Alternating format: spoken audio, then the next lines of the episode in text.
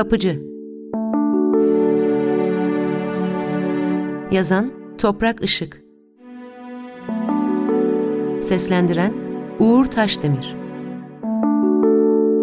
Bu öykü yazarın İletişim Yayın Evi'nden çıkan Halat Gösterisi kitabından alındı.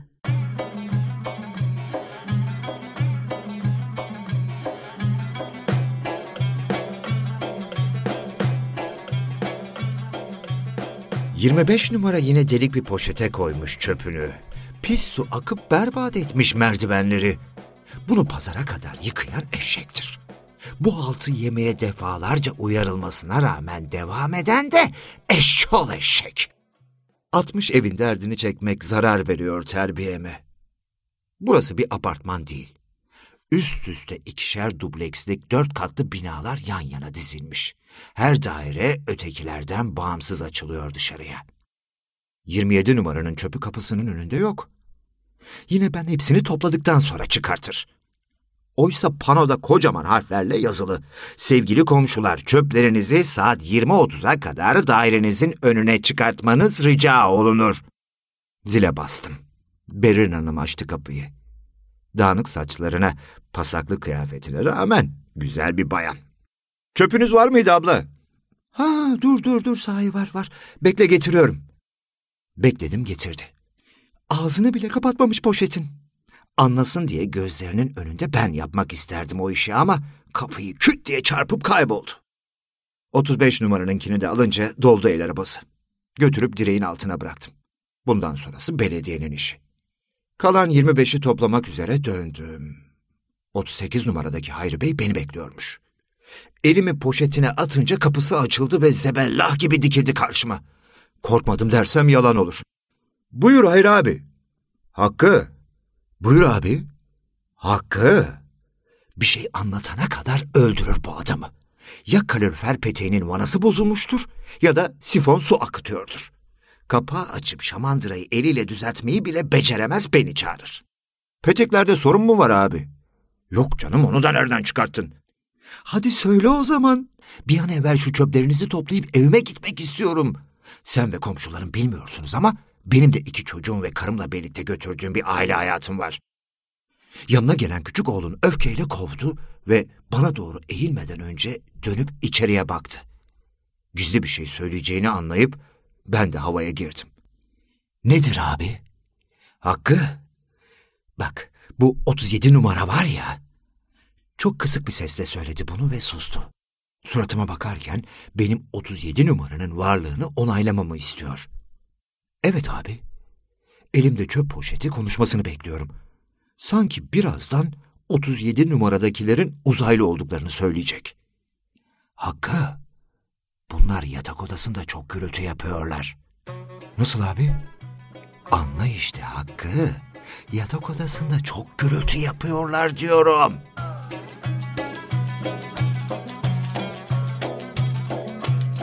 Söz sırası bende ama kazık gibi dikildim kaldım. Ne diyebilirim ki? Olmaz ki Hakkı. Yengenle çocuklar anlamasınlar diye ne yapacağımızı şaşırdık. Söyle şunlara dikkat etsinler biraz. Öyle bakıyorum Hayri Bey'in suratına. Benden komşusunun o işi daha sessiz yapmasını sağlamamı istiyor. On yıllık meslek hayatımda aldığım en tuhaf görev. Bunu nasıl söylerim abi? Utanırım. Sen niye utanıyorsun Hakkı? Onların kendi ayıbı. Hiç çekinme. Madem öyle kendin söylesene. Söylenmez abi öyle şey. Söylenirmiş. Söylemek zorundaymışım. Kapıyı kapatıp girdi içeri. Hatrını kıramadım ama arkasından sıkı bir küfür savurdum. Merkezi sistemden kombiye geçileli beri ödedikleri üç kuruş kapıcı parasını çok görür oldular. Bu yüzden ev sahiplerine karşı sesim daha bir kısık. 37 numaradakiler kiracı. İki ay oldu taşınalı. Kimseyle görüşmeyen kendi halinde bir çift. Çocukları da yok. Yeni evliler galiba. Şimdi ben kapılarını çalıp onlara daha yavaş sevişecekmişsiniz nasıl derim? Son dairenin çöpünü de alıp direğin altına bırakana kadar yanıtını bulamadım bu sorunun. El arabasının merdivenin altına koydum ve çalınmasın diye demire zincirledim. Üzerimdeki zor görevi yarına bırakayım desem İyice büyür gözümde. Gece uyku bile uyuyamam.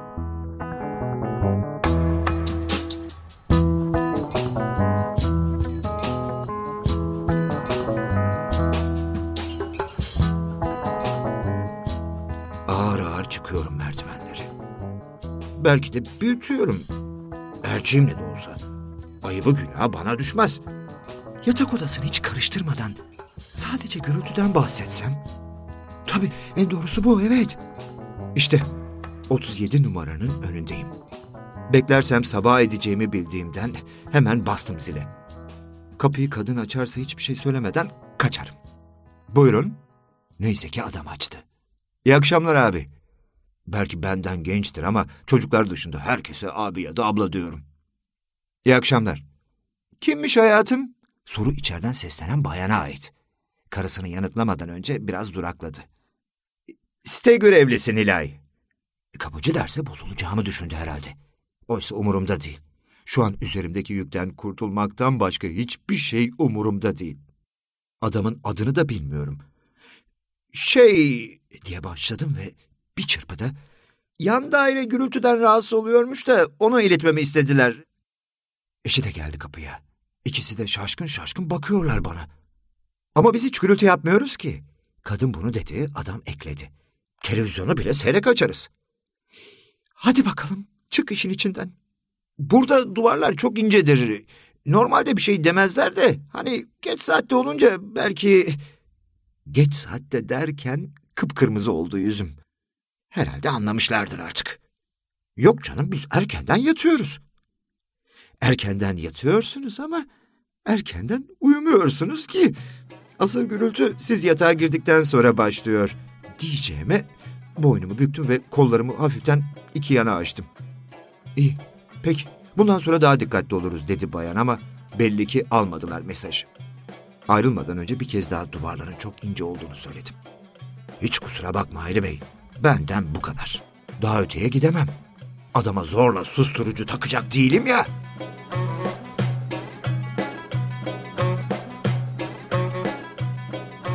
Görevi hakkıyla yerine getiremesem de rahatladım. Şimdi eve gider uzanırım televizyonun karşısına. Hanife'ye de bir çay demletirim. Kapıcı! Arkamı döndüm. 52 numaranın mutfağından Jale Hanım yarı beline kadar uzanmış. Buyur abla. Ne çabuk toplamışsın çöpleri. Şunu da alsana. Yanına gittim. Camdan uzatıyor poşeti. Benim bulunduğum uzun ince beton zeminden evlerin kapısına birer merdivenle ulaşılıyor. Jale Hanım'la aramızda epey bir boşluk var. Buradan yetişemem abla. Kapıya getiriver. Dur, ben oklamanın ucuna takar uzatırım. Mutfaktan çıkıp kapıya kadar yürümek o kadar mı zor? Camın ardında kayboldu ve birkaç saniye sonra tekrar göründü. Poşetin kulaklarını oklavaya takmış. Al bak uzatıyorum. Aramızda yükseklik farkı da var. Dur abla demeye kalmadan aşağı doğru uzattı oklavayı. Allah senin bin türlü belanı versin aptal karı. Poşet kayıp boşluğa düştü ve alt kattaki kapının önünde dağıldı. Oklamanın ucunu niye tutmadın be kapıcı? Neyse abla, ben iner temizlerim. Arkamı döndüm gidiyorum. O hala konuşuyor. Bak üzüldüm şimdi ama senin hatan. Benim hatammış. Keşke poşetle beraber sen de düşseydin. Kızmadın değil mi kapıcı? Niye kızayım ki? İşim bitti diye üzülüyordum zaten. Eve git, uzat ağrımış bacaklarını. Elinde sıcacık çay bardağıyla sıkıntıdan patla. Yok abla yok. Canını sıkma, hallederim ben.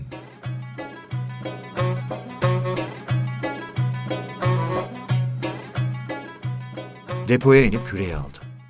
Döndüğümde aklıma geldi bir de poşet lazım. Kapılardan birini çalıp istesem yeni dertler çıkartırlar başıma. Bu yüzden kendi evime indim. Küçük oğlum Kadri açtı kapıyı. İlkokul bire gidiyor. Annene seslen oğlum. Topu topu bir salon bir yatak odası. Kadri seslenmeden karım mutfağın kapısından uzattı başını. Gelmiyor mu Hakkı? Poşet ver bana poşet. Ne yapacaksın poşeti? Ya boş ver sen getir bir poşet. Konuşkan bir koca değilim. Hele yorgunken bıçak açmaz ağzımı. Etrafa dağılmış çöplerin yanına döndüm. Ziyafet başındaki iki kediyi kovdum. Yemek artıkları, çürük domatesler, kremalı pasta dilimleri. Kedilerin değil insanların bile yiyesi gelir bunları. Hani mümkün değil ya, şunların onda birini karım atsa hemen boşarım. Mümkün değil demem sadece Hanife'ye güvenimden değil. Bulamaz ki atsın. Bir araya getirip kürekle doldurdum poşete ve ötekilerin yanına götürdüm. Küreği depoya bırakıp eve döndüm. Kapıyı açan karım konuşmak istiyor. Ne yaptın poşeti be? Jale karısı çöpü camdan uzatmaya çalışırken düşürdü. Onu temizledim. Çocuklar halıya oturmuş, kanepeye defter kitaplarını açmışlar, ders yapıyorlar. Uzanacağımı bildiklerinden toparlandılar. Uzandım. Ellerini yıkamayacak mısın? Sorusunun yanıtıymış gibi, çay suyu koysan Hanife dedim ve kalkıp lavaboya gittim.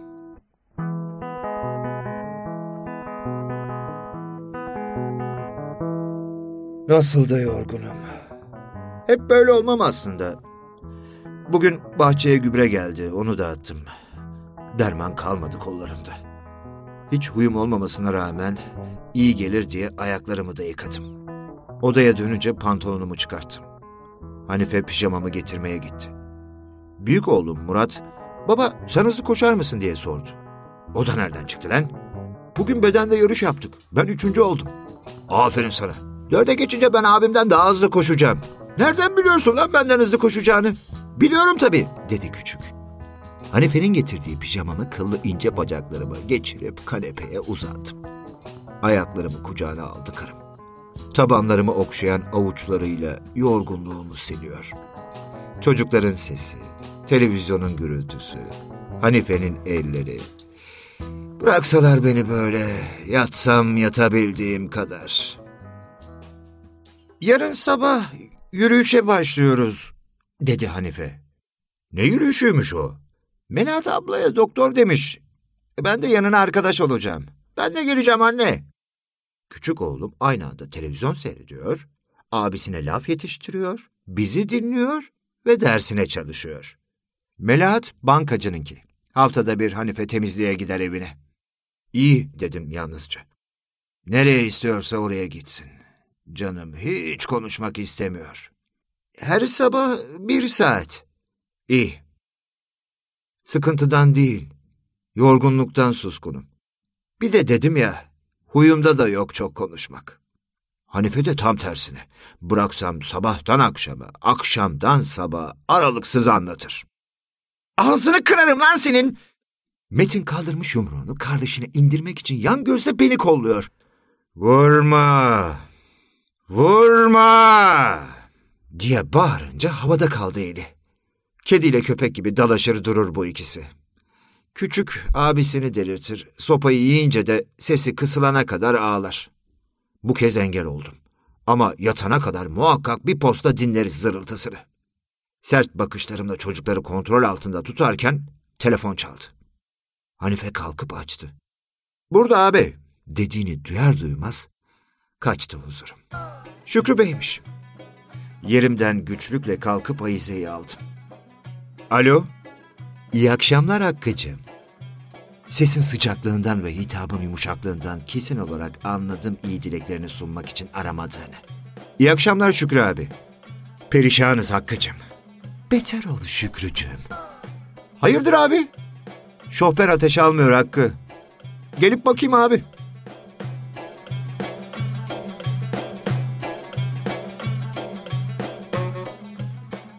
Telefonu kapatıp pantolonumu istedim karımdan. Böyle de yorgunken iş mi bu Şükrü? Lanet okuyarak çıktım dışarıya.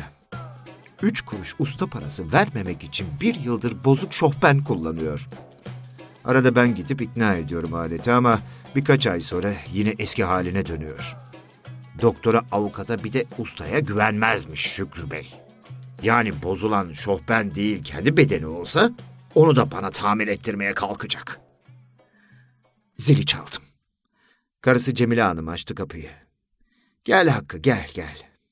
Beni karşılayışındaki soğukluğa bakan zorla kapılarına dayanıp şofbenlerini tamir etmeye kalktığımı zanneder. Ayakkabılarımı çıkartıp girdim içeriye. Geldin mi Hakkı'cığım? Mutfaktan çıkan Şükrü Bey karısından bulamadığım sıcaklığı sundu bana. Geldim abi. Yorduk seni de be. Olsun abi. Olsun abiymiş. Kalbimden geçenleri söylesem de ebediyen kurtulsam bu sitenin dertlerinden. Ama evde iki çocuk var. Beni istirahatimden eden teneke canavarın yanına gittim. Mutfakta duvarda asılı. Bu kadar yorgun olmasam elimdeki tornavidayla delik deşik ederim onu. Vidalarını sökmeden önce bir de ben denedim. Pilot ateş yanıyor ama suyu açınca sönüyor.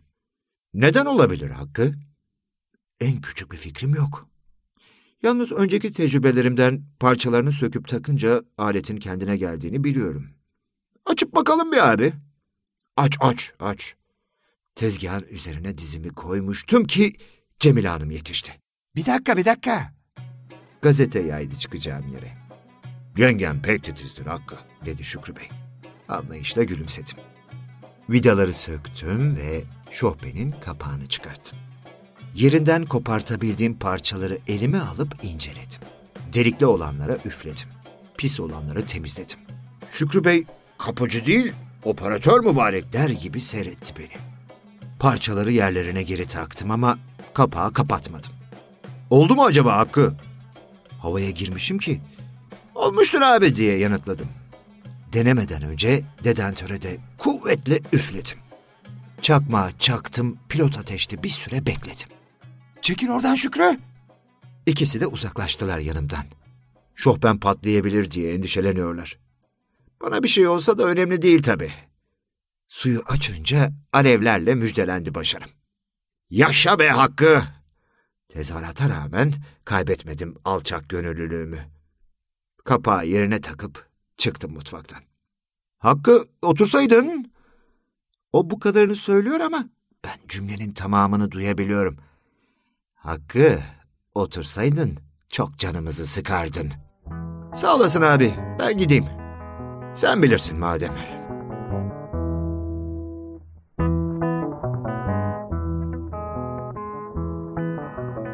Dışarıda hava çok güzel. Yorgun olmasaydım eve dönmeden önce yürürdüm biraz. Hatta Hanife'ye tembih ederdim. Ararlarsa yürüyüşe çıktı desin. Pek havalı olurdu. İşte kapımın önündeyim. Ufağın sesi geliyor. Etlerini kerpetenle kopartsalar insan böyle ağlayamaz. Kapıyı açan karım, ''Heh işte babanız geldi. İkinizi de paralasın da görün.'' dedi. Baba kendisi paralanmış. Kılını kıpırdatacak hali kalmamış. Odadaki gürültüye hiç müdahale etmeden pantolonumu çıkarttım ve Hanife'nin uzattığı pijamamı giydim. Kadri'nin ağlamasını kesip kalem kutusunu kaldırdığını gördüm ama abisinin kafasına geçirmesine engel olmak için hiçbir şey yapmadım. Öteki üstüne atılana kadar koşup arkama saklandı. İkisine de birer tokat attım. Hep onu koruyorsunuz ya deyip büyük başladı bu sefer. Kanepeye uzandım. Karım kucağına aldı ayaklarımı.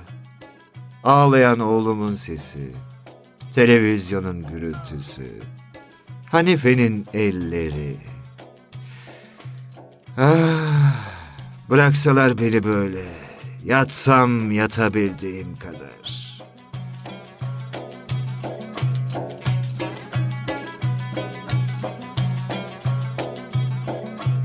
Toprak Işık'ın Kapıcı öyküsünü Uğur Taşdemir seslendirdi.